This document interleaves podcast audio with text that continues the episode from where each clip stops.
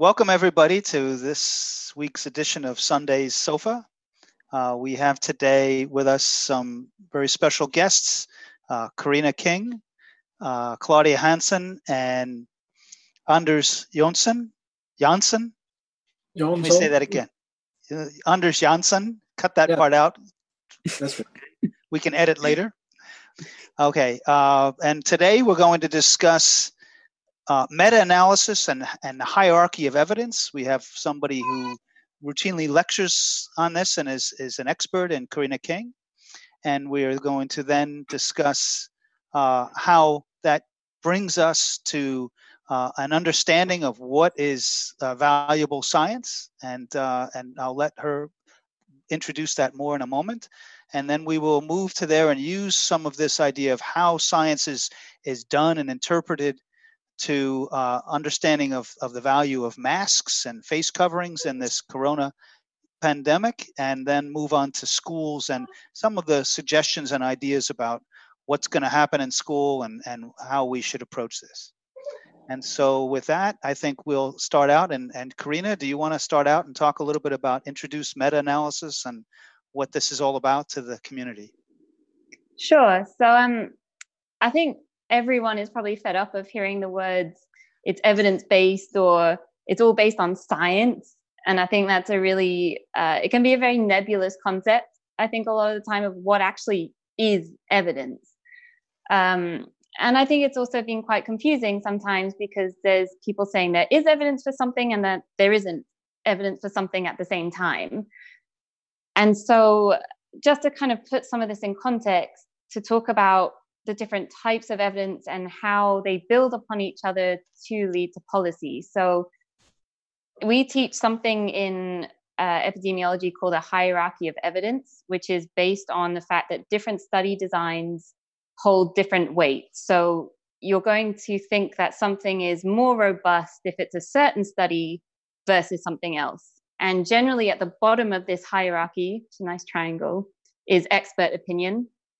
Um, our opinion is worth something, but it's generally at the bottom of the pile. Basically, what do you think based on your experience?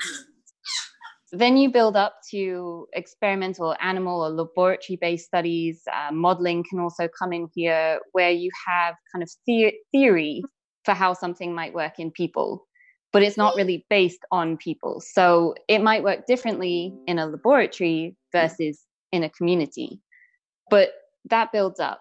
The next level you have is when you observe people. So you observe what's happening in a population, you measure it, and you report on it.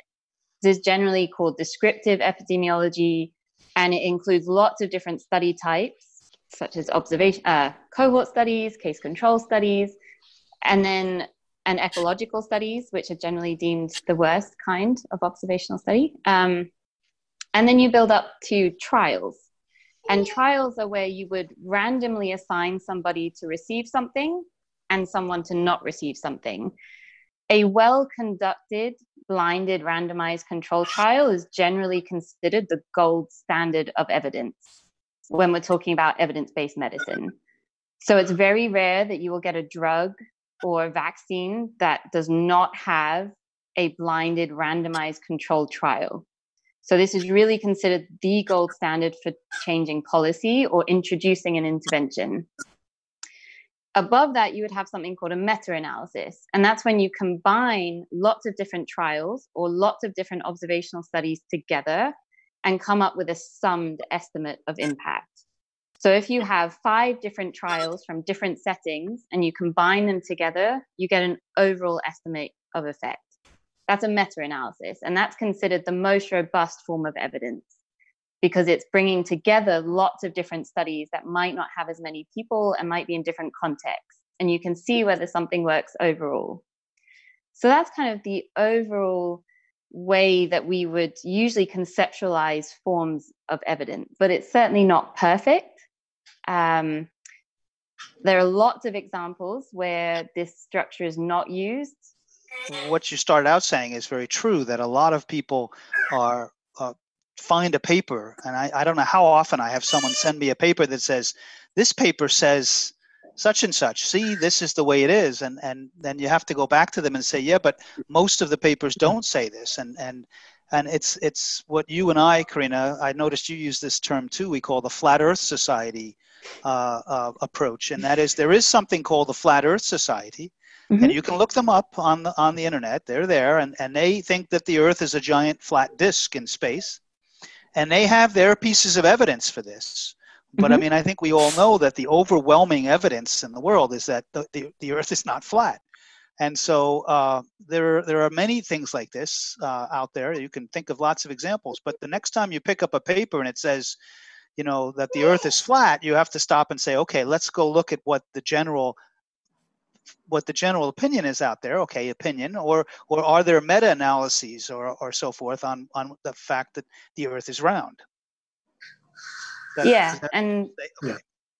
yeah for sure. And so i think you know generally when we're thinking about what is the evidence it's useful to look at the whole picture and there will always be conflicting pieces of evidence and there's lots of reasons for that.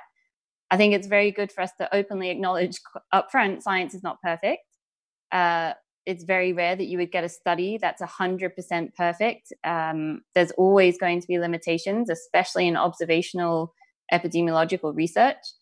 Um, so you always have to be a bit forgiving when you look at the limitations mm. of a study, and it's about bringing all these different things together. I mean, we've certainly seen some awful science during the COVID pandemic, but we've also seen some very fantastic science that has flaws, but that shouldn't invalidate it. What it means is that we should be combining these together. I think one of the ways that the hierarchy of evidence really falls down, however, is it's not appropriate for all questions. Um, and there's certain scenarios where conducting a trial is never going to be feasible. And there's reasons for that. It might be ethical, or it might be logistical, or it might just be nonsensical. Yeah, parachute. like testing yeah. a parachute. Yeah, that's right. Okay. Yeah. or take the example of smoking. What's that? Take the example of smoking. So you would never do a, a randomized controlled trial where you assign one group to smoke and the other one not. But we have uh, throughout the years and throughout so many observational study, cohort studies, along uh, and uh, underpinned really by uh, by uh, studies really showing the uh, biological effect. we are relatively clear saying that smoking has quite a lot of negative effects. That's yeah, a great that, example. Never do mm-hmm. um, a, yeah. cluster run, uh, any randomized trial. Yeah. That, yeah, that's a fantastic example. Yeah. So I think it's interesting when we look at today's concept of evidence-based medicine and requiring sufficient evidence to influence policy. There's a lot of public health policies that would never meet that criteria for mm-hmm. changing policy: smoking, parachutes, drunk driving um, there's an awful lot in policy today that doesn't meet that standard. Mm. And it's really within a pandemic situation, it's very understandable that we wouldn't necessarily strive for that standard either.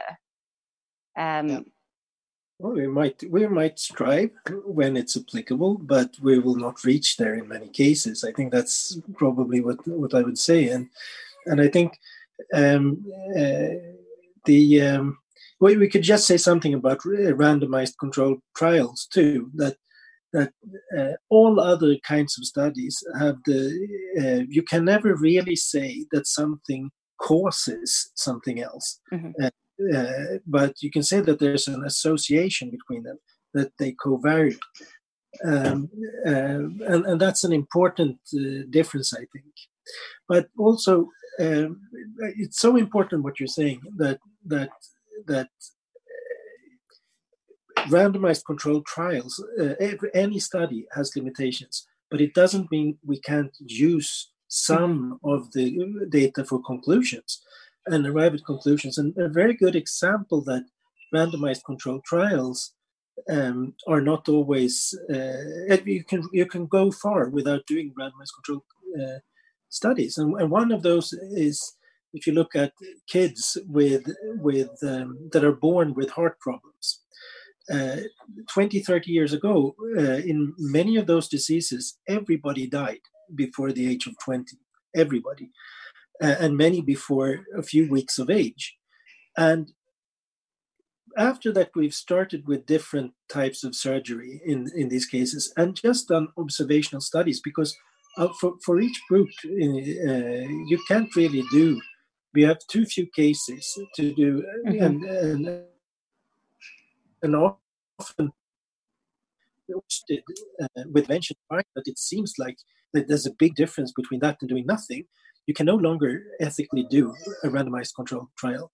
But using this observational method, you know, the, the, the, the number of people surviving their, their disease it has increased incredibly.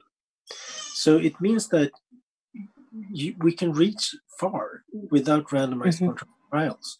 And that's very important so that you don't uh, uh, underestimate the value of, of the other types of studies. Mm-hmm. Yeah. Yeah, and the largest part of clinical practice has never gone through a randomized controlled trial. Mm-hmm. Yeah, and it's uh, it's quite often also that it's today said you can't do a randomized controlled trials anymore. Just another example is, for example, blood pressure measurement in pregnancy. Yeah, so there has been never really a trial or observational studies and so on. But everybody would say it's important to measure the blood pressure during pregnancy to, to detect uh, these forms of high blood pressure, which can be detrimental for uh, for women and babies. Yeah, so it's clinical practice. It has been done since uh, uh 100 years. We have also drugs which never have been even tested uh, in in a proper clinical trial, and still we would continue to use them because we know that we that we really can treat the disease. Yeah. So I think this um, this criticism of the hierarchy of evidence is that it's led to a very rigid way of thinking in medicine and policy making. And it's not always appropriate. As we've kind of heard, some things just don't make sense. Some things you already have enough evidence without doing a trial. And um, usually we call this something called equipoise. So, unless you have equipoise where you genuinely don't know whether your intervention is better or not, you shouldn't do a trial because it's unethical. Um, and so a lot of questions you don't have equipoise by the time you get to that point in the hierarchy.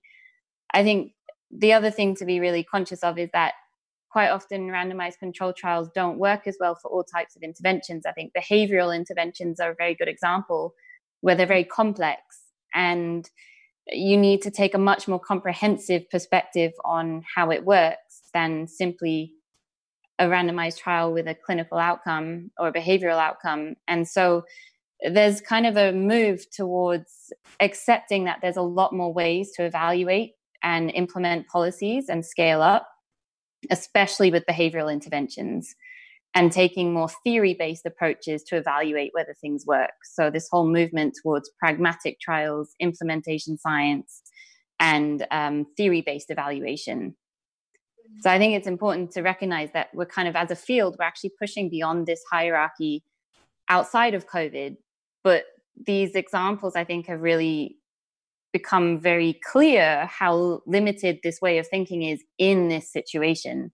I think masks is kind of the perfect example for this. Mm-hmm. And you've and that's a perfect timing. You that's I was just gonna say maybe we should take this discussion and move it to something that's a hot button in, in COVID because mm uh, this this whole meta-analysis and understanding the hierarchy of data is is hugely important within this, as well as some other areas of COVID, uh, because people keep finding that one person who's willing to go out and write a paper saying masks don't work, okay, and and then and then they have one thing that they latch onto, and usually uh, so far it's always been wrong, okay, uh, and and but uh, or and and in fact some people latch on to a, the fact that there's been places in newspapers mm-hmm. where they say masks can actually be harmful. And so far, in mm-hmm. terms of COVID, there's no one, no study that I know of that has shown that is true. And mm-hmm. so, but but there's a huge amount of papers and data overall. Okay, and and you can look at some individual papers and say, wow, that's very impressive. But the but we should discuss this in terms of the the overall hierarchy of the of the evidence for masks. Mm.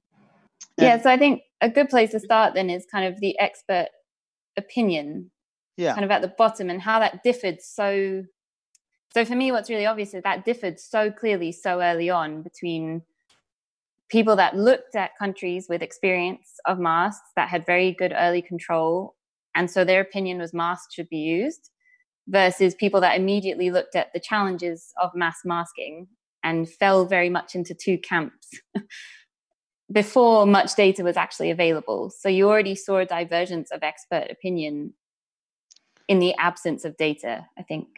Very interesting. And, and, and the experts that came out, experts, not just the common people, and, and argued sociologically against masks mm-hmm. as well.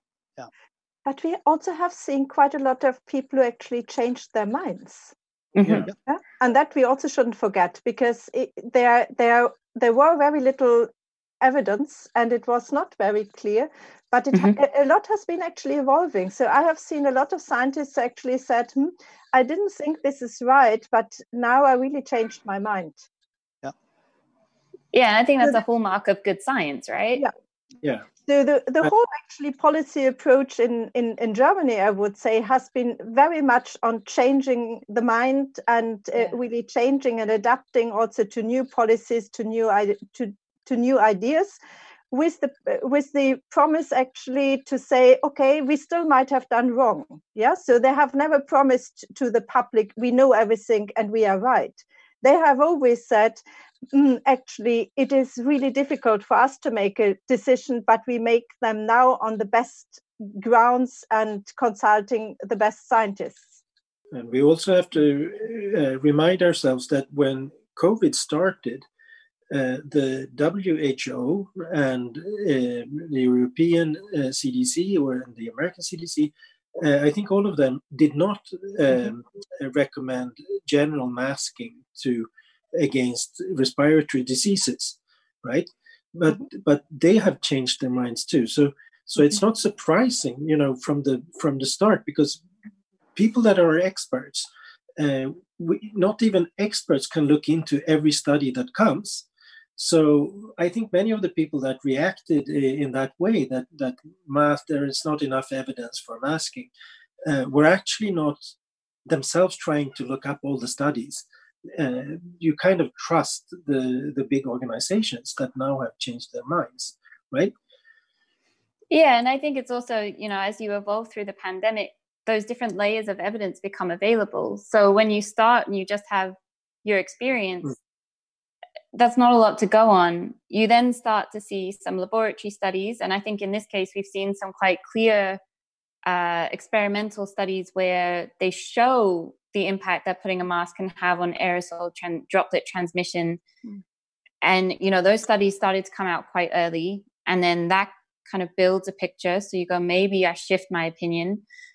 Then you start to get observational studies, and I think we're starting to see a lot more of these come out. Um, and then we're starting to see some quite good quasi experimental studies. So these are not quite randomized trials, but they're a bit more rigorous than just counting what's happening in the population. And then that's led to a meta analysis. Um, and so I think this is such a shame because quite often people changing their opinion is frowned upon in the general public, or people perceive it as you didn't know what you were talking about, or that you've got some sort of vested interest but really I, it's the hallmark of a good scientist to change your opinion as data becomes available. Um, yeah. that's what i well, think and, so anyway. and, and who which was against masks more or less commissioned the study that was published in the lancet on, in the beginning of june. And that was a meta-analysis. And the basic conclusion from that meta-analysis which was statistically there was some issues uh, in terms of finding statistical uh, significance. Uh, but I, I'm, I'm reminded of the book, The Collapse of Western Civilization, where they uh, where they address climate change, and it's a really fascinating book. Looking, it's a fictional book looking at it from the future, and they argue though in one part about stat- statistics, and they point out that in large scale things like climate change, an 80% statistical significance is pretty important. I mean, mm. do you want to base the history of the planet on saying that you have to have 95% statistical uh, a confidence limit? And uh, and so it's the same thing here. And and you know the the Lancet study showed pretty clearly that masks work in a meta-analysis. Mm-hmm. And uh, if if you take that in mind, and then there have been a whole bunch of studies since then, including more meta-analyses of, of masks.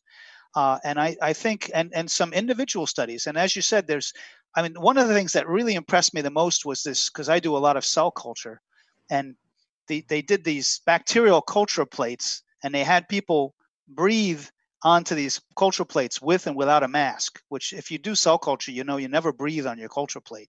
You always keep the window between you or else you destroy it. But without the mask it was just amazing. The bacterial cultures with the without the mask grew like crazy and without the mask they were not existent so you could basically do your cell culture in your lab without the the glass screen in front of you as long as you wore a mask. And uh, but there's there's been a number of studies. Another study, sort of individual study that adds into all this, was the one with the where they put monitors for CO2 and for uh, carbon dioxide and oxygen outside of masks.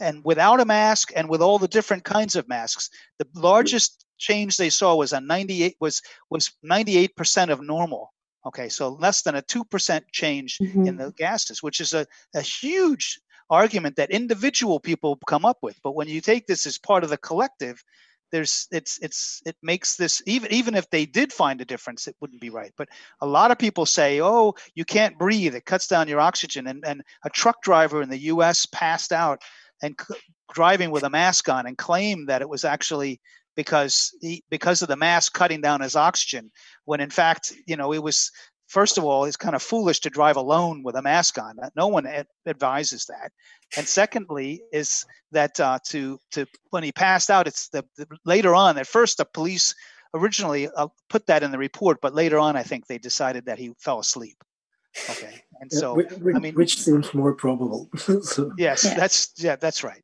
and so there's some there's some really interesting things here but it, when you synthesize it together i i, I really like this picture uh, in this this there's this paper association of wide of countrywide coronavirus mortality with demographics testing lockdowns and public wearing of masks.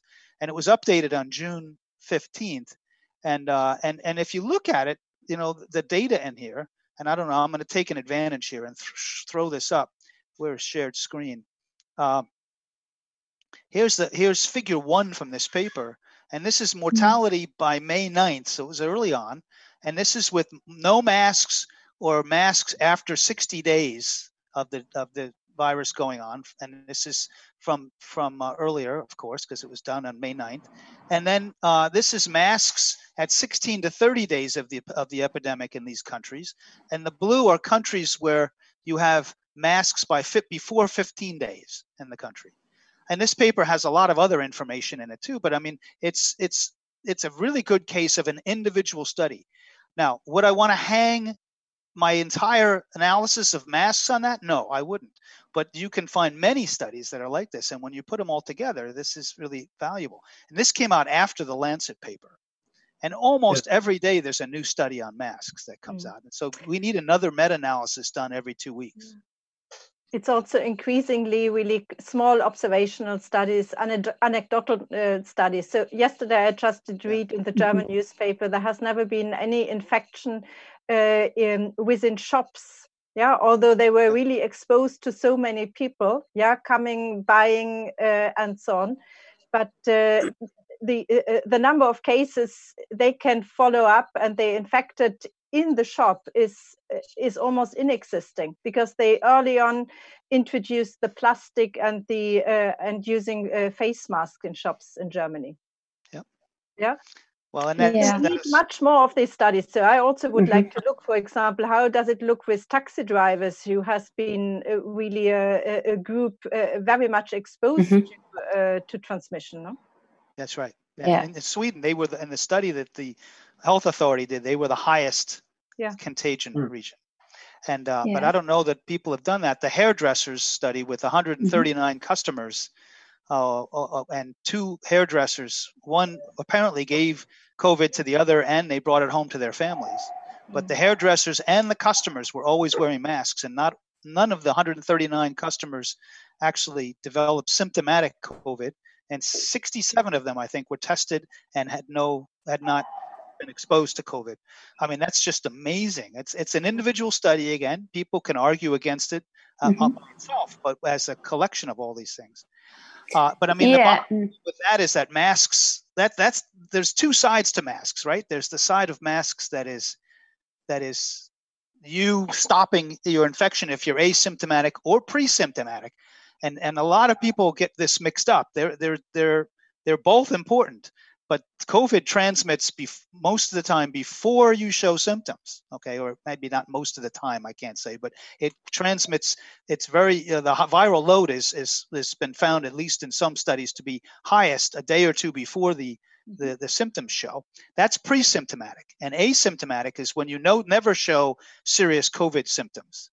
And uh, but if those people they can give the virus off to other people, so the mask you're wearing protects the other person. The the saying on the online is your mask protects. Uh, my mask protects you, and your mask protects me. But also, the masks now, been, more and more studies show that they protect you as well. And there's mm-hmm. some some rather controversial yeah. study, or not studies, but reports and discussions now that the masks might cut down the viral load that gets in that viral load being how much virus gets in to start your infection. And, and so there's a lot to masks. Sorry, I went on too long. No, yeah. and I think this is the point about protecting you versus protecting me, I think is a really important distinction about the existing evidence that we have uh, from a lot of the trials. A lot of the trials measure infections in people wearing masks uh, rather yeah. than the people around them. So you know, when we say, and there have been meta analyses that have shown neutral effects of wearing face masks in certain situations. Note that neutral doesn't mean negative, it just means no impact, um, which I don't think is a valid, necessarily a valid argument against wearing them. um, but you know, often we're looking at a different outcome. To actually study the impact of me wearing a mask on the people around me in a community is much, much harder to study in a trial setting. Like that's actually a very complicated trial to conduct, especially especially in the context of COVID. You know, we know that COVID transmits in clusters, so it'd be very difficult uh, because of clustering to necessarily value. You'd need a very large sample size to do this. Yeah. So again, it's the studies we have aren't really answering the question that we're asking. Each individual study has issues. Uh, like the hairdressers is a great case study, but you know we do need to acknowledge that the response rate of the clients was fairly low, so they didn't test everybody. No. But these one-off case studies all build this picture mm. that's comprehensive to suggest that first of all, there's zero evidence that masks are harmful there's currently no evidence to suggest that wearing a mask makes you ignore all the other social distancing measures. And there is evidence, even though it's not perfect evidence, that they protect you. And we don't have sufficient studies to measure whether it protects other people, but the mm-hmm. theory supports that. So for That's me, when you add this all into the yeah. triangle, it's a fairly good argument for wearing a mask. It is, but it's but I mean my, my mask protecting you is is it's more than just the theory. There are experiments that show that when you it's like the experiment with the bacteria, okay, but there are other experiments that show that it doesn't it doesn't come out. There's there's numerous uh, to, what do they use? The laser Doppler spectroscopy to mm, watch yeah. the droplets coming out and show that they stop with the masks. And all the countrywide uh, studies, as I showed one before, but there's several others. Basically, all the studies that have looked across countries implementing masks, implementing masks, every single study says that the countries that went to masks early mm-hmm. won out and that mm-hmm. and it's not just asian countries versus western countries if you take the asian countries out of the picture you still in the west the countries that went to masks early in the west have done better okay the mortality rate is better and uh, and then there's this this I, I think it's Gupta at, at uh, UCSF in the U.S. that has been publishing these more hypothetical papers, but is arguing that when you wear a mask, uh, you you you don't get as much of a viral load. And, and one of the things they have pointed to is that in countries where they have worn masks and they do get infected, the there's a lower mortality in the percent of those infected. Now, that's data that's very hard to get a handle on. So I'm not advocating that necessarily and i i see you're smiling at me karina because you know there's problems with that okay but i but i think that this is that that the possibility there is one that we should put out because people I mean, real need to realize that getting this disease is in different mm-hmm. levels. Okay, and and mm-hmm. it, it's yeah. you can be very sick or you can be long term sick, and we don't actually know yet whether long term sick correlates In fact, some of the data out there, and I think Anders, maybe you could comment on this because you're a heart surgeon. Uh, Well, that I'm on the not a- heart, okay, I'm, I'm a physiologist, but so I, I do a lot of cardiac diagnostics, but sorry, that's more wh- what I do. okay, I, I try not to cut people open unnecessarily. okay. But I, but I, but I think okay. All right, I'm less impressed now. No, sorry, just kidding. Well, But with No, this but- whole debate, for, for me, it becomes really also a matter whether it's a public policy or not, it becomes a matter of courtesy. Yeah. So I see that there is a lot of value really in this wearing mask and protecting the and protecting Mm. the others. So I, I feel more and more really a moral obligation to follow this. And you said before, you said before about drunk driving. I, I have a Masks 2 video that I made that I haven't sent to you guys, a shorter one. And it basically just says not wearing a mask is like driving drunk. Okay. And we don't know, as you said, we don't have any studies to prove what is and isn't with driving drunk. We only have the meta analysis Yeah. overall. But not wearing a mask is you're you're likely to kill someone else. It's like driving drunk, right? Yeah, don't agree with it's that an analogy? obligation. It's an obligation within the society to do something which where I clearly can say it. It doesn't harm me. Yeah, that's Yeah. right. Yeah. And if it becomes really, uh, uh, uh, so I see it. I'm at the moment in Germany. I see it as uh, something which is uh, which is a new normality. Yeah. Yeah. So it's not not perceived as as uh, harmful anymore. So the, the the people use it as something okay, is something easy what I can do, and you can you can buy mask everywhere. And that was also what was very important in the in, in, in the German setting. So it was very very early perceived as something where everybody actually could contribute something uh, something useful by uh, uh, women's groups su- suing them and and a lot of people really finding something useful to do yeah so now you can say okay but they overdo where it's not necessary but people also feel they do something which is protecting the others they can participate in making this uh, the area safer I hope it was Yeah, some and I men's think- groups too, not just women's groups. But yes, that you're completely No. correct. it's, uh, you, can, you can see that might be really a. Hashtag but I think um, I think one of the things you say is like super important, though. I think uh, the evidence for is always going to be a bit challenging, especially uh, in these ecological studies. I think it's yeah, the countries that had masking earlier on have done better, but they also did a lot of else other things. other things that were very good early on. I think we need Yeah. to acknowledge the fact that masks aren't the holy grail. You know, uh, they aren't the replacement for other measures. Um, but for me, the key piece of evidence here is there is no evidence of harm. So if there's no evidence of harm and there's some evidence of benefit, the balance goes towards doing it. I think the most fascinating one for me is actually there's fairly there's pretty much no evidence that sneezing into your or coughing into your elbow Yes, that's right. benefits anybody. There's very little evidence actually that washing your hands in a pandemic reduces spread based on previous influenza outbreaks. But those things were adopted so easily. Most of the theory behind most of the evidence for that is actually theoretical and observational. There's very little concrete data.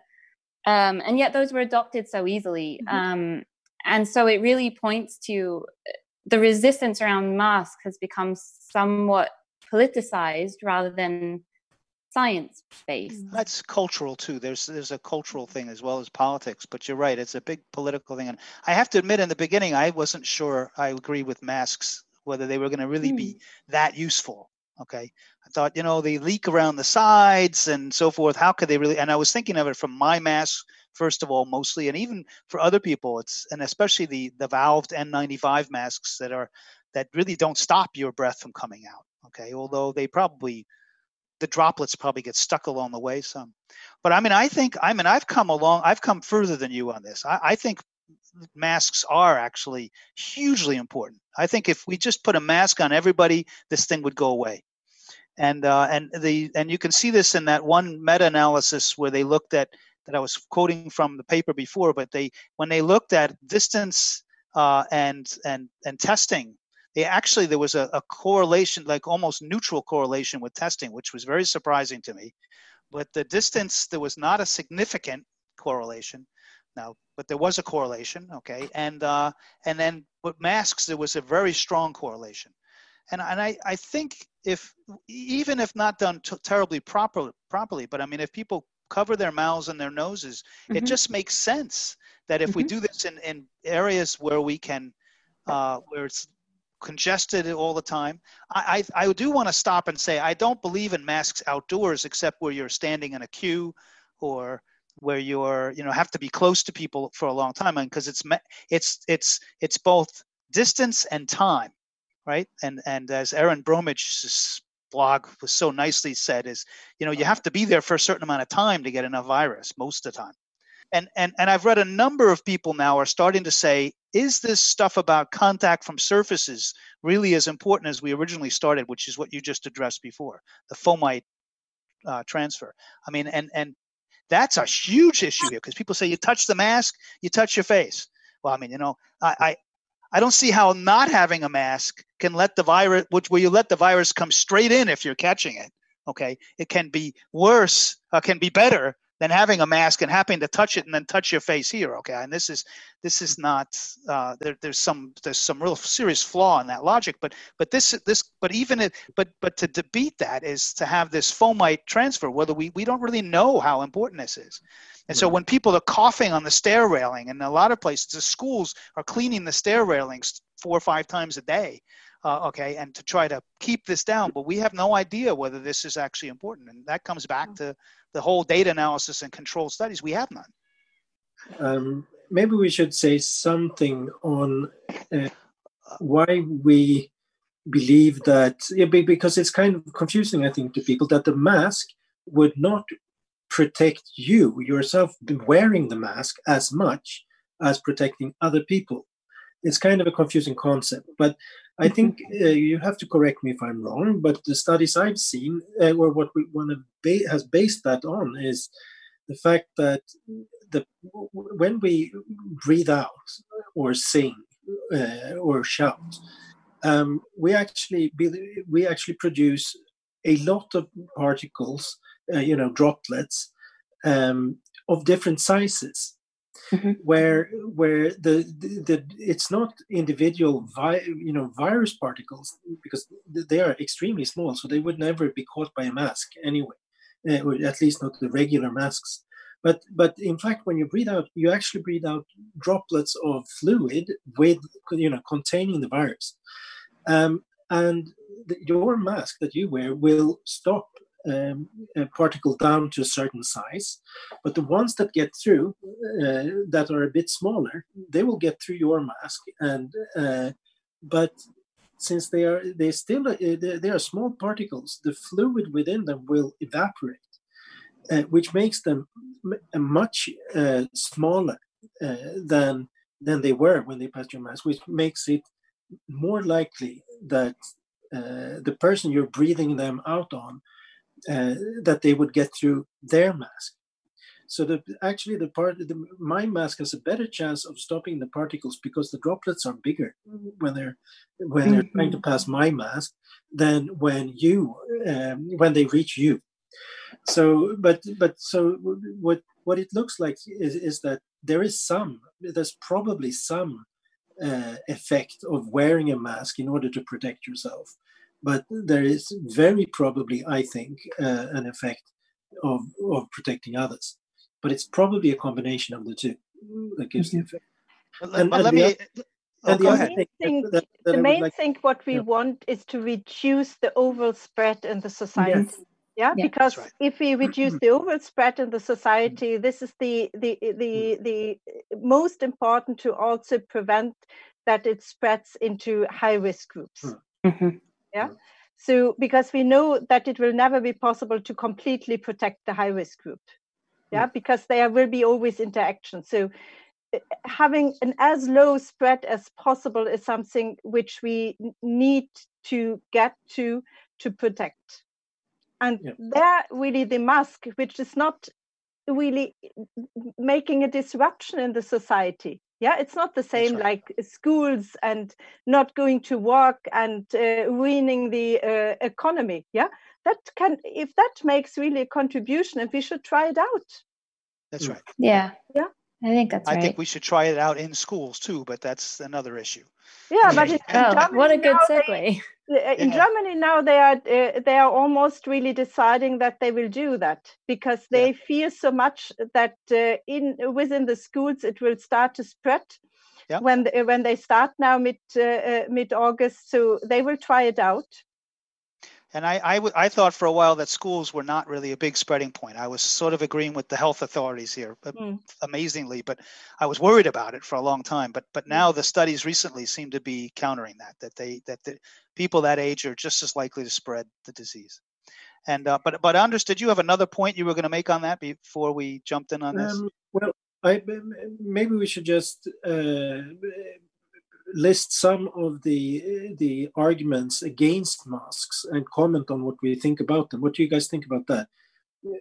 Um, I mean, for example, uh, one argument is in Sweden we don't go outside when we're sick.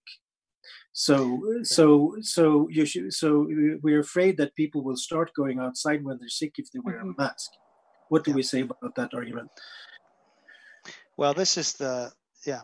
This is related to the false security, but I mean as well. But uh, but the main thing is is right. The the, the disease is spread by uh, pre-symptomatically and asymptomatically, so you don't even know you're sick when you can spread it. And I have to. I'll add this back to my drunk driving push. Is that if you are a super spreader, asymptomatic or pre-symptomatic, and you don't know it, and you go out without a mask, you could be directly killing people. It is the same thing as getting on the road and driving drunk. And it's not just killing people that we have these these things as we started sort of hinted at before, but the heart inflammation 60 days after people have recovered from COVID, Yeah. uh, and what what average 49 year old patients. Uh, and and it was I forget 68 percent 68 out of 100 patients looked at and there's more oth- oh, so many different organs i mean this disease affects i don't want to list them all off here uh, but they but what we don't know yet what we're doing. So you could be hurting people or killing them. And it's the same as drunk driving. If you drive down the road drunk and you hit somebody you might kill them you might just maim them for life. The analogy is perfect and it's horrible.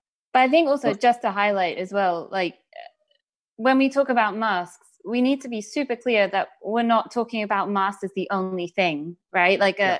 That's right a public health campaign around COVID should include masks as one of multiple interventions and reiterate the public health messaging that we've already had to wash your hands, stay at home if you're sick, and wear a mask when you're healthy and you go into crowded indoor places. It's not one or the other.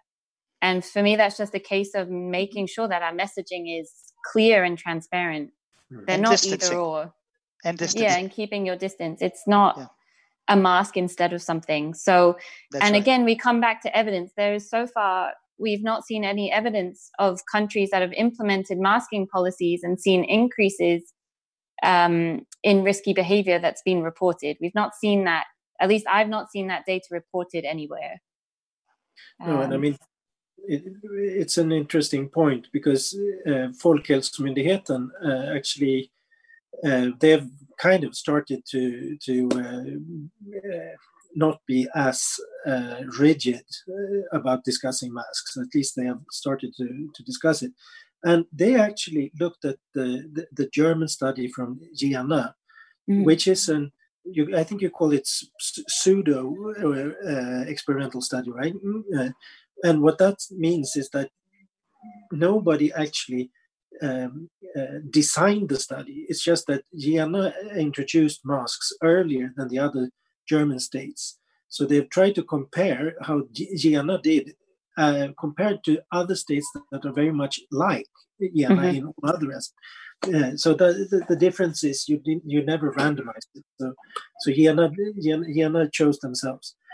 Um, but but Folkhälsomyndigheten actually commented that study and said that yeah, that's an interesting study and it goes in the direction of that mask might have effect. But uh, they never talked about uh, uh, or, or the, the the you know the negative sides of masks. That you know when you touch your mask, you might you get effect and so forth. But but the, interestingly, of course, if that effect had if the negative effects had dominated, then Mhm. Jena would have done worse than the other states. Mm. but they were found to do to to do better, which mm-hmm. which speaks to uh, or, or which is consistent with with that the positive effects are of course bigger than the negatives.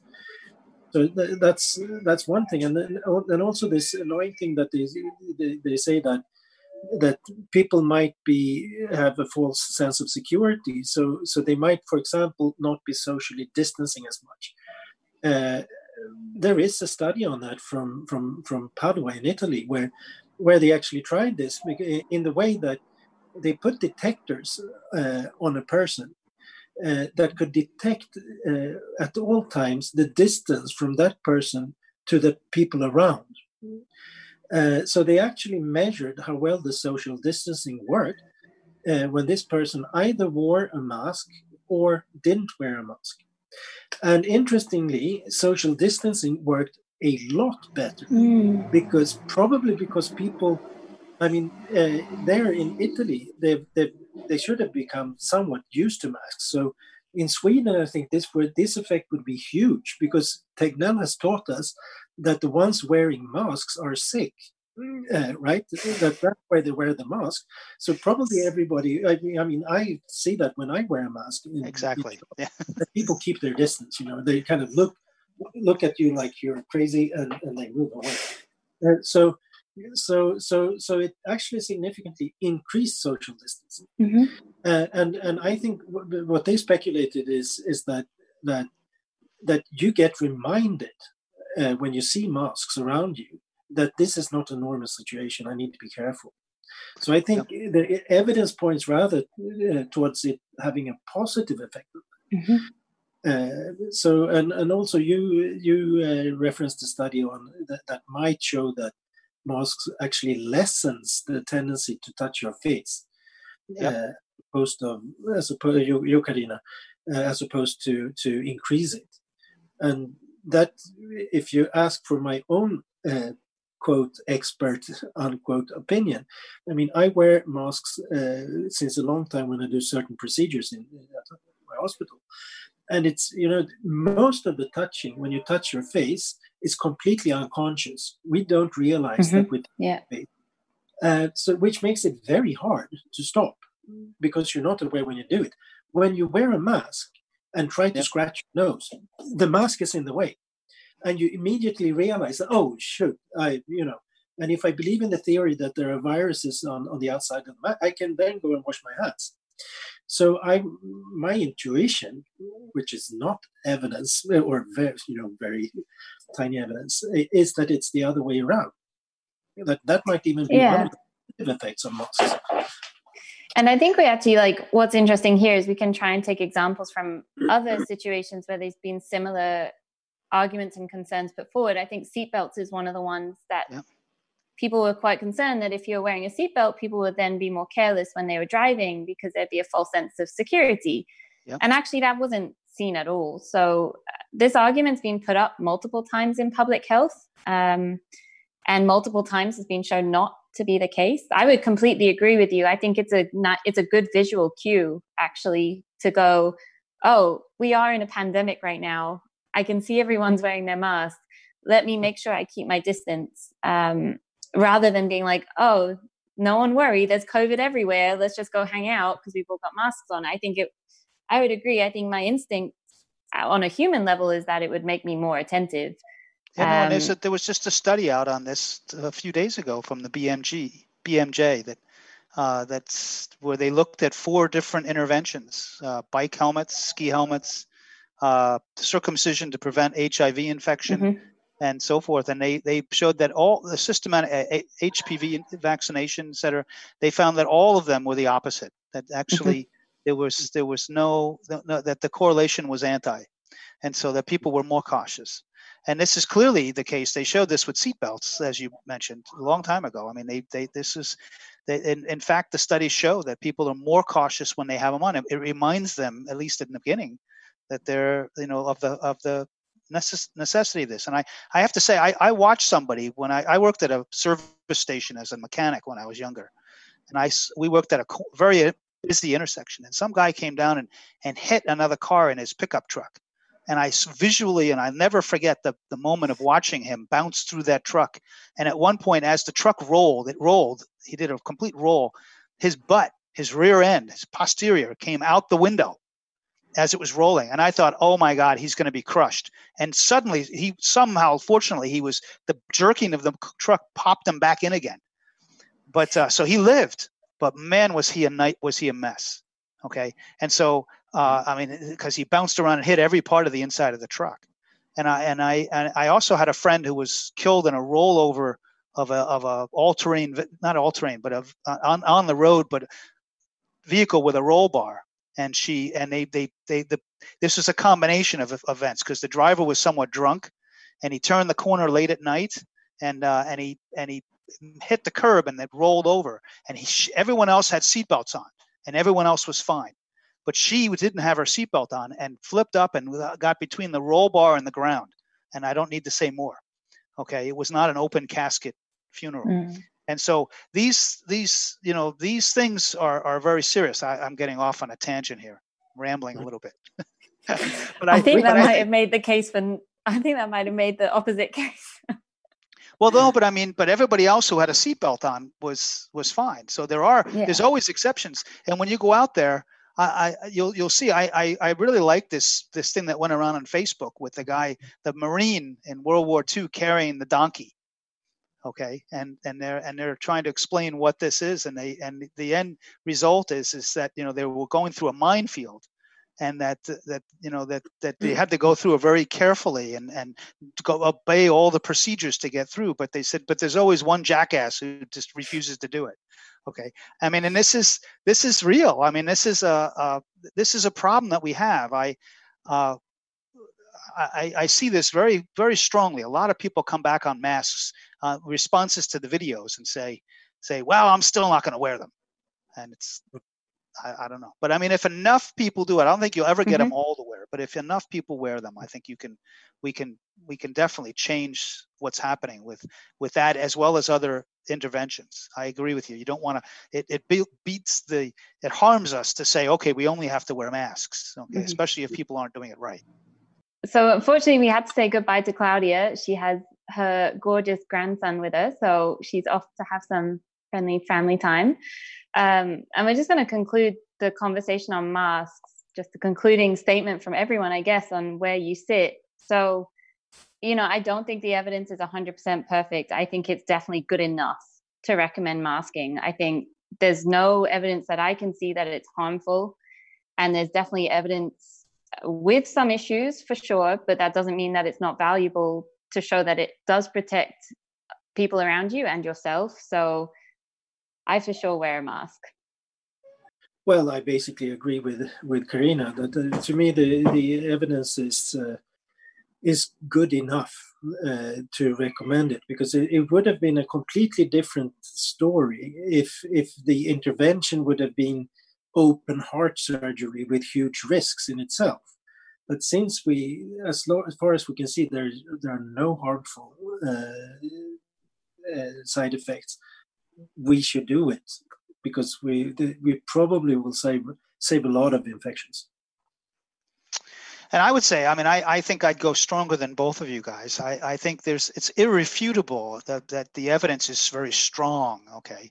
I don't think I there's always a chance that we've somehow missed something. But there's, you know, if you one thing the public needs to understand is that scientists always want to have absolute evidence, okay, for mm-hmm. what they have.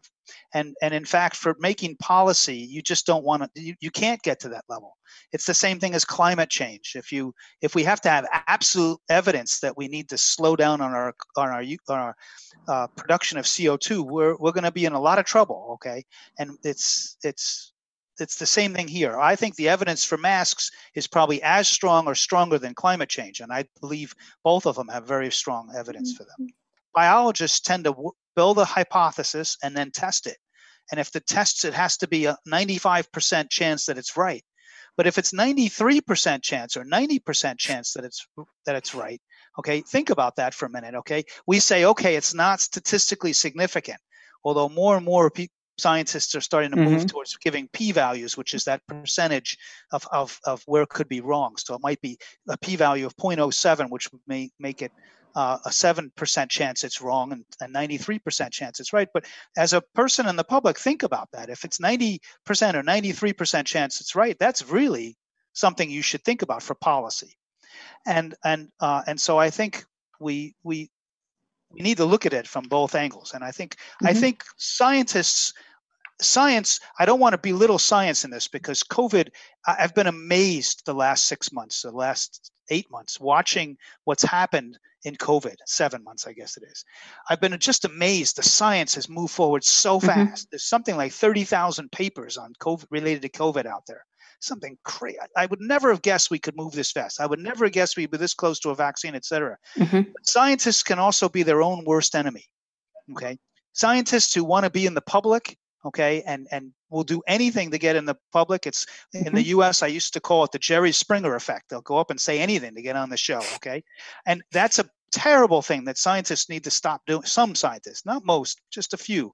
But also scientists being too too you know oh this or too much for fame or too much for this. We need to look at this. This is a pandemic. This is people dying okay? We need to put all that stuff away now and and say okay what do we need to advise the government advise the public on policy. Let's turn our discussion now to schools and mm. what should we be doing in this pandemic come fall? I mean, especially in Sweden, where the, the, the, death rate has been going down, and even more so in summer as everyone's been on holiday and the schools have been closed. But what, what's what are the worries, and what are we going to do? And what, what should the public authorities be recommending for schools? Yeah, so I think again, uh, this is you might have told by now the way I work is quite methodical and very cautious. Um, so I guess it's useful to think about what we know about children and transmission so far, yeah. to then develop good policies that match that. And you know, again, uh, very early on, we saw quite a divergence of expert opinion. Um, children generally are amplifiers of respiratory viruses. Historical pandemics have seen that. So one group of experts kind of went that direction and would assume that children transmitted, and the other group saw very little testing data in children and assumed that children don't transmit. Um, one of the major issues we've had in developing concrete evidence around the role of children in transmission is they're very underrepresented in testing data. Some people assume that means that they don't get the infection very often, but actually, it's more of a reflection of under testing and under ascertainment because they get the infection less severely. Um, there's also a suggestion that they have a slightly different pattern of uh, symptoms. So they mm. don't, early on, they probably didn't match a lot of the expected symptom presentation. Um, so a lot more children presenting with gastrointestinal symptoms than necessarily breathing issues. And then you know, a lot of them are asymptomatic. So this perception that children don't get the infection, now we've got quite robust data to discredit that. So that was an assumption based on issues in the data. I think we now see quite good data sets where we see children ha- do get the infection um, at similar rates to adults. There is nuance in different age groups, but overall they do. Yeah. Actually, actually, the, this children issue was was the first thing that brought me into the COVID debate because and I mean this was early on in it must have been the end of February when W uh, you call it WHO in English, right? Not, not WHO. WHO, yeah. yeah. Uh, um, uh, when they published the. That's me. I can I can tell what's happening in the pandemic because of the number of ambulances that go past my house. Where do you oh, live? Wow. Uh, I live near Skanstull, so they're all going to um, yeah. Soda Kukusit. Yeah, yeah, one yeah. of the big hospitals. Yeah. Okay. Um, um, yeah, but, but because the, the first real um, what would you would you say um, meta-analysis uh, of uh, of the pandemic was a report uh, from uh, WHO and uh, and China, mm-hmm. Uh, the Wuhan epidemic, and they they um, people in Sweden, Folkhälsomyndigheten, cited that report and said that that children are not driving the the pandemic and but but that was based on um, actually the report doesn't even say that. They they say that that uh, but but they said that they said here in Sweden that Sweden were not spreading the disease to any uh, uh, special extent, extent. But but but but actually what the report really concluded was that they when at that stage with no serology testing uh, or so couldn't say really anything about kids' role in the epidemic uh, due to the fact that they probably well, couldn't even know for sure that they had milder symptoms. But one possibility they they said is that is that that it's just that that that they are under tested, uh, mm-hmm. don't show up. Uh, so so that was the real conclusion that one couldn't conclude anything. But then they added one sentence afterwards, which said that that uh, you know our test uh, our staff when they went around and interviewed uh, tracers the people that were tracing cases uh, doing contact tracing uh, they couldn't remember any cases where kids had been the the you know uh, spreading it to, to somebody else. So it's purely anecdotal information that's very yeah. strange that they actually published. But but that's where this started. Mm-hmm uh, that kids do not get the infection, and it was very. It's been very hard to to uh, to kind of uh, turn people around. Mm-hmm. Since- but I mean, so it's interesting because I think the data on children, uh, it is a little random to be honest. Like when you look at um, different studies, I think we're starting to see a bit more consistency in their role. Overall, uh, antibody studies suggest that they have gotten just as many infections as adults. Um, we've seen that in the UK. In the Swedish data, the confidence intervals overlap. So the percentage point might be slightly lower or slightly higher, depending on which of the data you look at in Sweden. They're all overlapping, they're all in the same ballpark. Um, so we see that they are getting the infection, they're not showing up in testing. In the studies that have done contact tracing and identified index cases in households, generally fewer children are the index case than adults, which suggests that the children are not starting clusters within households. Um, and that's fairly consistent now in a few different studies, where children being the index case of the household. And what we mean here is the child is the first person who then transmits onwards. Um, is considerably lower. One of the main issues, however, with those studies is that because children are asymptomatic, they might not be recognized as the first case. So by the time you t- test someone in a household, someone has a reason to get tested, generally because they're sick. And by the time you then test the contacts, the child might have been sick three, four, five days earlier, but they're no longer coming up on a PCR test. So when we have these studies on household transmission dynamics showing that children transmit much less, we just need to bear in mind that there could be this issue around capturing children as the first case. Um, so I think, you know, to date, I've been kind of on the fence about children really amplifying the infection. I think there's a few different things. It's amplifying. So it's them kind of being driving spread. There's them being able to spread, but at a lower rate, and then not being able to spread at all. I think we've got sufficient data to dismiss the fact that they don't spread it. We've got clear examples where we've seen that they can. I think where it's still not clear to me is um, whether they drive new clusters or whether they kind of transmit at a lower rate. That's where I think we need some more data. I agree. That's that's the issue, right? I mean, are they are the children ever super spreaders or as a large fraction? And I, I think if they were, we would probably have seen it by now, but we don't have any real good data on this. Yeah. And so I, I think probably children are a lot safer in that sense from in terms of giving the disease off, although there's been a number of studies where they show children bring it home to their families. Mm-hmm. Okay, so but I mean, in a family environment is very different than, than an environment where they're interacting with other kids. Another thing about children, if you watch them, I mean, I have uh, an eight-year-old daughter, and if I watch her at school, they they they don't tend to stand right next to each other and talk for a long time. They're they're, they're like billiard balls bouncing around, and so uh, you know the time, the distance and time factor comes in, unless mm-hmm. they're sitting in a classroom, and and that's that's I think an important part of this. Uh, I, I, just want to pull up for a second this this study uh, that is that, that the, the data from this study that the Swedish government published along with the Finnish government, and there's a lot of it, problematic issues in this study. Uh, but this is the data.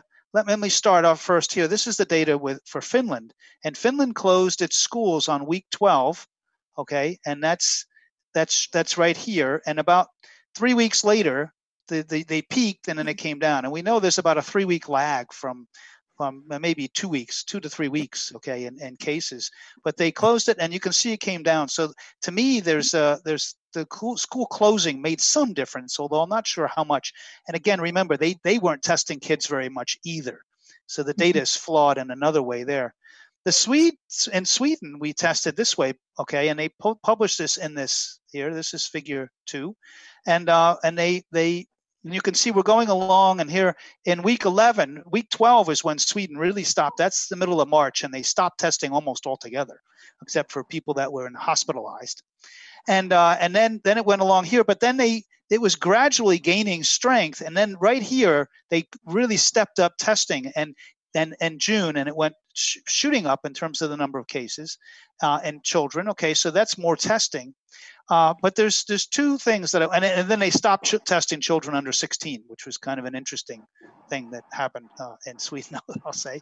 Uh, but but they but there's two things. Look at the axis here. Okay, this is 0, 50, 100. Look at this 0, 20, 40. Okay, Sweden at almost all levels coming from this point on has was significantly higher than than Finland. Okay, in terms of the children, and we were not testing there was almost no testing. So, I mean, how, I don't even know how we could have possibly gotten to that stage uh, in this. And here, these, where we stepped up the testing, we stepped up to a level that was more similar to what was in Finland. And look what happened. We're way higher. Okay. And so, uh, I mean, at least as a as an overall community, we I don't know how much more testing there were on children, one versus the other. It's not in the report. So, but I mean, I I think we need to. This amplifies on the fact of what you're uh, on the, the point you were making, Karina, that we need more data, and, and the data just has been, for one reason or another, just doesn't exist because we didn't test children. We didn't really. It was almost as if we didn't want to know what they had. Mm-hmm. Um, yeah, I mean, this is really like when I put what studies are available kind of into this hierarchy. Again, we get into a situation where we've got we're now getting a lot more observational data around schools. Um, unfortunately, I think that Swedish and Finnish comparison can't tell us anything about schools. Um, all it really tells us is that in a country that has much higher levels of community transmission, more children got sick. Yeah. I think that's the only real conclusion that you can draw from those data, really. It says nothing about where that transmission happened. It certainly doesn't say that transmission didn't happen in schools. Um, but but do they really even conclude that? Uh, I mean, they they claim that the the number of infected kids, the case number of cases per capita, was the same in Sweden and Finland. Uh, isn't that the conclusion? They say that zero point zero five percent. That's right. Yeah, yeah. Uh, which is ludicrous when they don't publish how many were tested. They don't even this is publish correct. how many tested. Yeah. They don't publish uh, what percentage of the tests that that came out positive either, mm-hmm. right?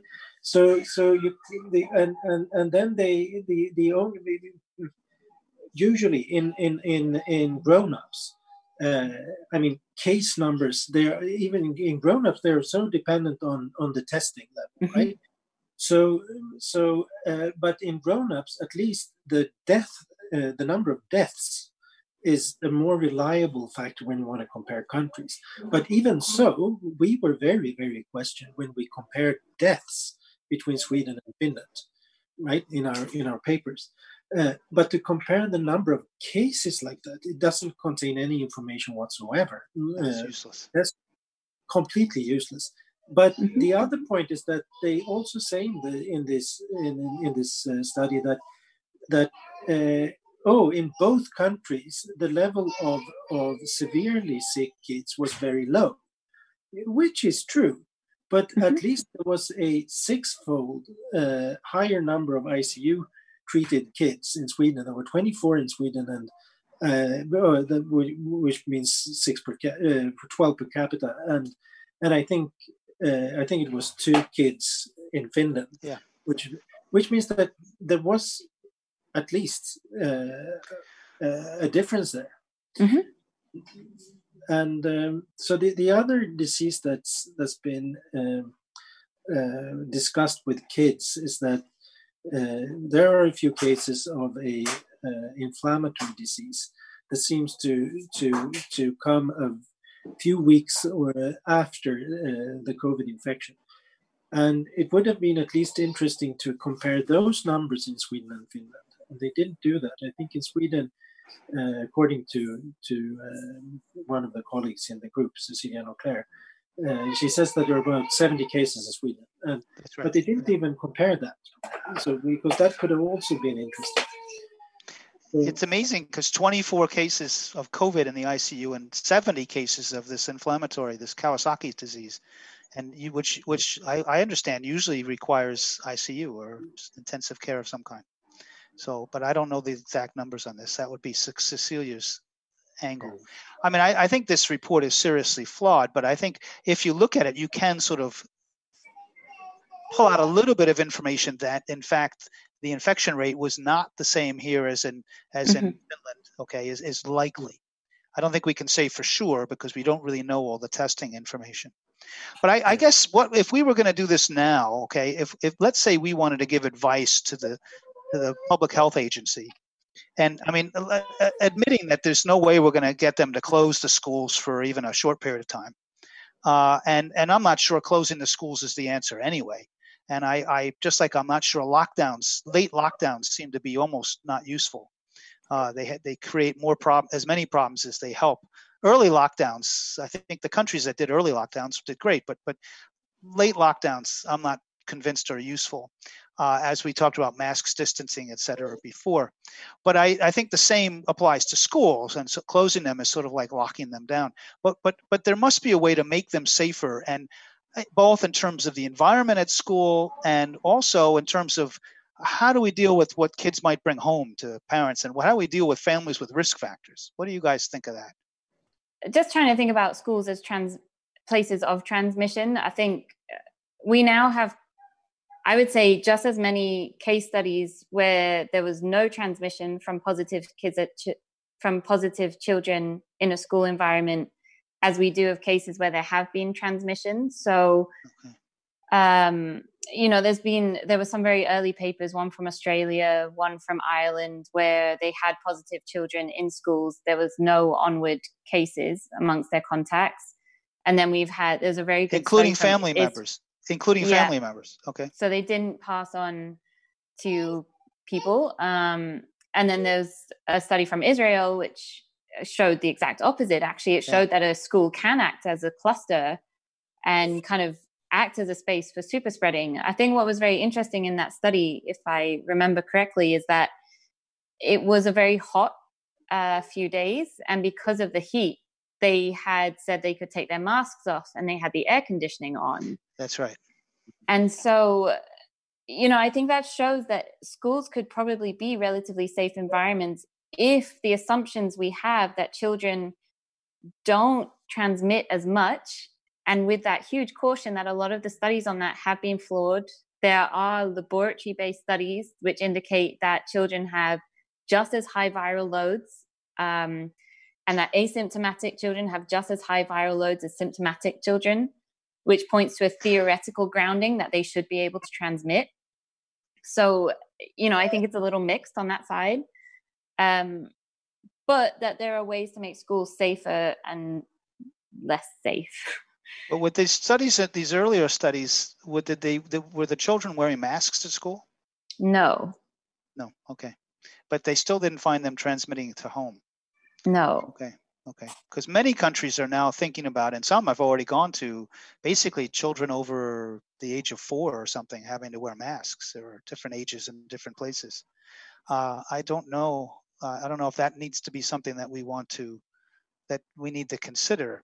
And then basically, mm-hmm. if, if, if you say the, the studies that show that they transmit are about the same number as the studies that, that say that they don't transmit at home. I'm going to leap out here. I'm going to take a leap of faith on this because this is not very scientific and certainly not a meta-analysis. But I mean, that basically means that if, if the, the infection is 10%, okay, and, and the children are infected the same level, that means that you, if, if you, the children are in that environment, you have about a 5% chance because you cut it in half of them bringing it home. Okay, so you're, so if you're an at-risk parent, okay, and your child goes, uh, yeah, so it cuts it in half. But, you know, this is always something to, to that people say here they say oh well the odds are half as much. It's kind of like the it's if you're type a blood type you have a better chance of being put in an icu they say but i think it's like a 2% difference in change okay? So but uh, i've had a i don't know how many people have told me oh if you're type a you're probably worse off and and i'm type a so i'm like but i said but i don't think it really matters. But i mean it, it's, it's half okay? So it's, it is good but it's still a pretty significant probability right? But that, but that number half is that from the Korean study? Uh, there was a Korean study published uh, a few days ago. Where, where, where, where's the figure from? Yeah, so there's there's data from Korea around contact tracing, and again in that they had, I believe it was 2.7 percent of index cases were children. So mm. it's a very small number of cases.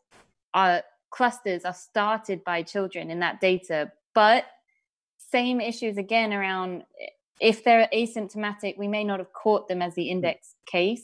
So I think this is really the crucial issue with all of the child transmission data is it needs contact tracing to be incredibly quick to get yeah. an asymptomatic person as the first case. And children are just more likely to be asymptomatic. So it's problematic on that front. Um, but they showed that within households, if a younger person, if a child was the index case, they had slightly higher onward transmission.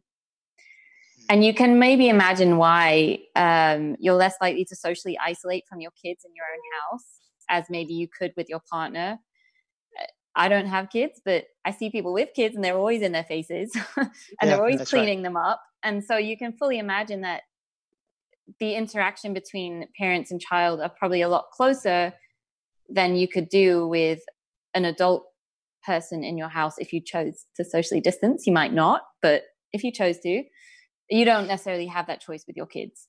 You don't, not at all. So, um, so I mean, would you recommend that? Did, what, what would you recommend? What do we recommend for this? I mean, what what makes sense based on the data? Uh, do, do children wear masks to school? Uh, have half size classrooms so they can mm. distance. Mm. I mean, in Israel, they had this beautiful thing that they did to start with, you know, that, that the mm. Israeli thing exploded on them. But they, at first, they had them, they divided them up and kept the units separate. I forget what they called them. They had separate uh, group scenes of students that they basically kept separate from each other. And they did this for some number of weeks and it, and it worked out beautifully. And then the government, more or less, from what I understand, said, let's let's go back to what we had because we don't have a problem here and it took off. I mean and maybe part of it was because they were wearing masks and took them off. But but this idea was i mean i, I think there's a good idea in this is to keep children separate. And when i saw the data that that originally a couple weeks ago they said that 10 to 19 year olds transmitted the mm-hmm. level of adults but but 0 to 9 not so much. Now a new study this week says that the 0 to 9 have the young kids have viral load the same as everyone else. Mm-hmm but uh, but but still, you wonder if the the transmission. I mean, then I got worried about the one kid in high school, okay, in gymnasium, uh, who's turning 17, and and whole of her friends versus the one who's the eight year old. But the eight year old goes to a school that has kids all the way up to grade nine, so it's they're 16, and so uh, you know what. Uh, and so is is it is it something that we should be asking the schools to please separate these classes? Although is that fair too? I mean, the people with like me as well that have kids that are 17 years old they still have to worry about are they going to come home my daughter wants to wear a mask to school every day and when she went in for her test she did but we'll see so yeah, my eight I, mean, I want to say too, my eight year old went to school. I kept her out illegally because Sweden they, they they threatened social services on me. But I kept her out for seven weeks, and then the last two and a half weeks we decided to let her finish school. But she went every day with a mask and wore it all day. This is an eight year old. And we were told by the teacher that she was religious about keeping it on. And she came out and met her mother for for lunch every day. So she didn't eat in the cafeteria with the other kids, and she didn't stay for fritids, which is something that is going to be much harder to do on a longer term basis. Uh, but but uh, but there are things that can be done to isolate the kids, right? Yeah, and I think it's also it's thinking. I think we first need to think about the environment that they're sitting in. So, yeah. You know, there are these case studies that were done that really comprehensive of uh, who transmitted to who in certain environments, and you know, air conditioning and ventilation is a huge issue. So, simple things like opening doors and windows. I appreciate in Sweden that you do not want the windows open in the middle of December. Yeah. But are there ways that we can improve ventilation in school buildings? Um, simple things like that. I think so firstly looking at the environment that they're in like could we do something where doors are kept open? I realize my husband's a teacher I, he would think that's chaos for his classroom to do that but are there ways that we can make the environment less likely and prone to transmission? Crowded indoor environments are the risk. That describes most classrooms. So ventilation masks uh, yep um, we see a lot of countries now starting to recommend masks in schools. There will be questions about children's compliance. I think that's a valid question about children's compliance and how long they will wear them for and do we need to give them breaks outside in between it, i think it's valid to be concerned about that but not un, not doable it's doable you make, yeah you make the masks very cool like the mm-hmm. spider mm-hmm and passion and stuff, I think I think you can get people uh, and uh, kids to wear masks. I mm-hmm. think it even be as you know uh, a cool thing to do. And and remember, it doesn't have to be forever. It's just till this is over. Oh. But I agree yeah. with you. Spider-Man masks would be wonderful, wouldn't it? Or or and Wonder Woman think, or things like this. Yeah. Yeah, and then I also just think uh, increased testing. So if we have a case related to a school test most of the school um, yeah. i think cohorting of children where you split them into smaller groups is good realistically the main benefit of that i think is that you contain the number of people that get infected you do allow more social distancing but uh, logistically it's quite complicated to do that because yeah. you mean some children are at school sometimes some aren't uh, staggering times so that you never get crowding in corridors and cafeterias. So, can we stagger the school day somehow to have different year groups at different times? Um, I think there's lots of things that can be done. And uh, my feeling with schools is that you're going to need to do a lot of small changes to build up. I don't think there's one big change that's going to make a difference. Um, it's going to be lots of little things. That's a really good. And I think this is a good point to wrap it up. That's a wonderful statement you just made. Lots of little things that all have to be built up. It's kind of like where we started this discussion today on meta analysis, all these things that build up to the one thing at the top. All right. I mean, this is very interesting. Do you guys have any final concluding comments you want to make before we go to our uh, sign off? Yeah, just just uh, just the fact that that schools uh, is a much more complex problem than masks. Mm-hmm. That is because that's it has correct. so many mm-hmm. side effects if you close a school. You know, yeah, parents that's right. stay home, uh, and and there are psychological issues with kids that don't uh, that can't mm-hmm. interact. So, yeah. so there, it's a much more complex uh, issue. Uh, so I'm not like Andrew. I'm not sure that. Uh, I, I, think it's reasonable to to try and keep them open. Uh, mm-hmm but you need to to listen to Karina closely. That's, that's what I think. I think the one case where you might shut down for a couple weeks is just individual schools where you get an outbreak. Mm-hmm. Yeah. And I think that makes sense. And I know that's happened in a couple of places in Sweden and many places around the world.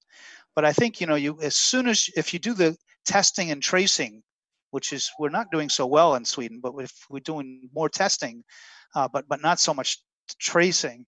Uh, if we do it right, as soon as we figure out what it is, isolate it, quarantine the, the appropriate individuals, open up again.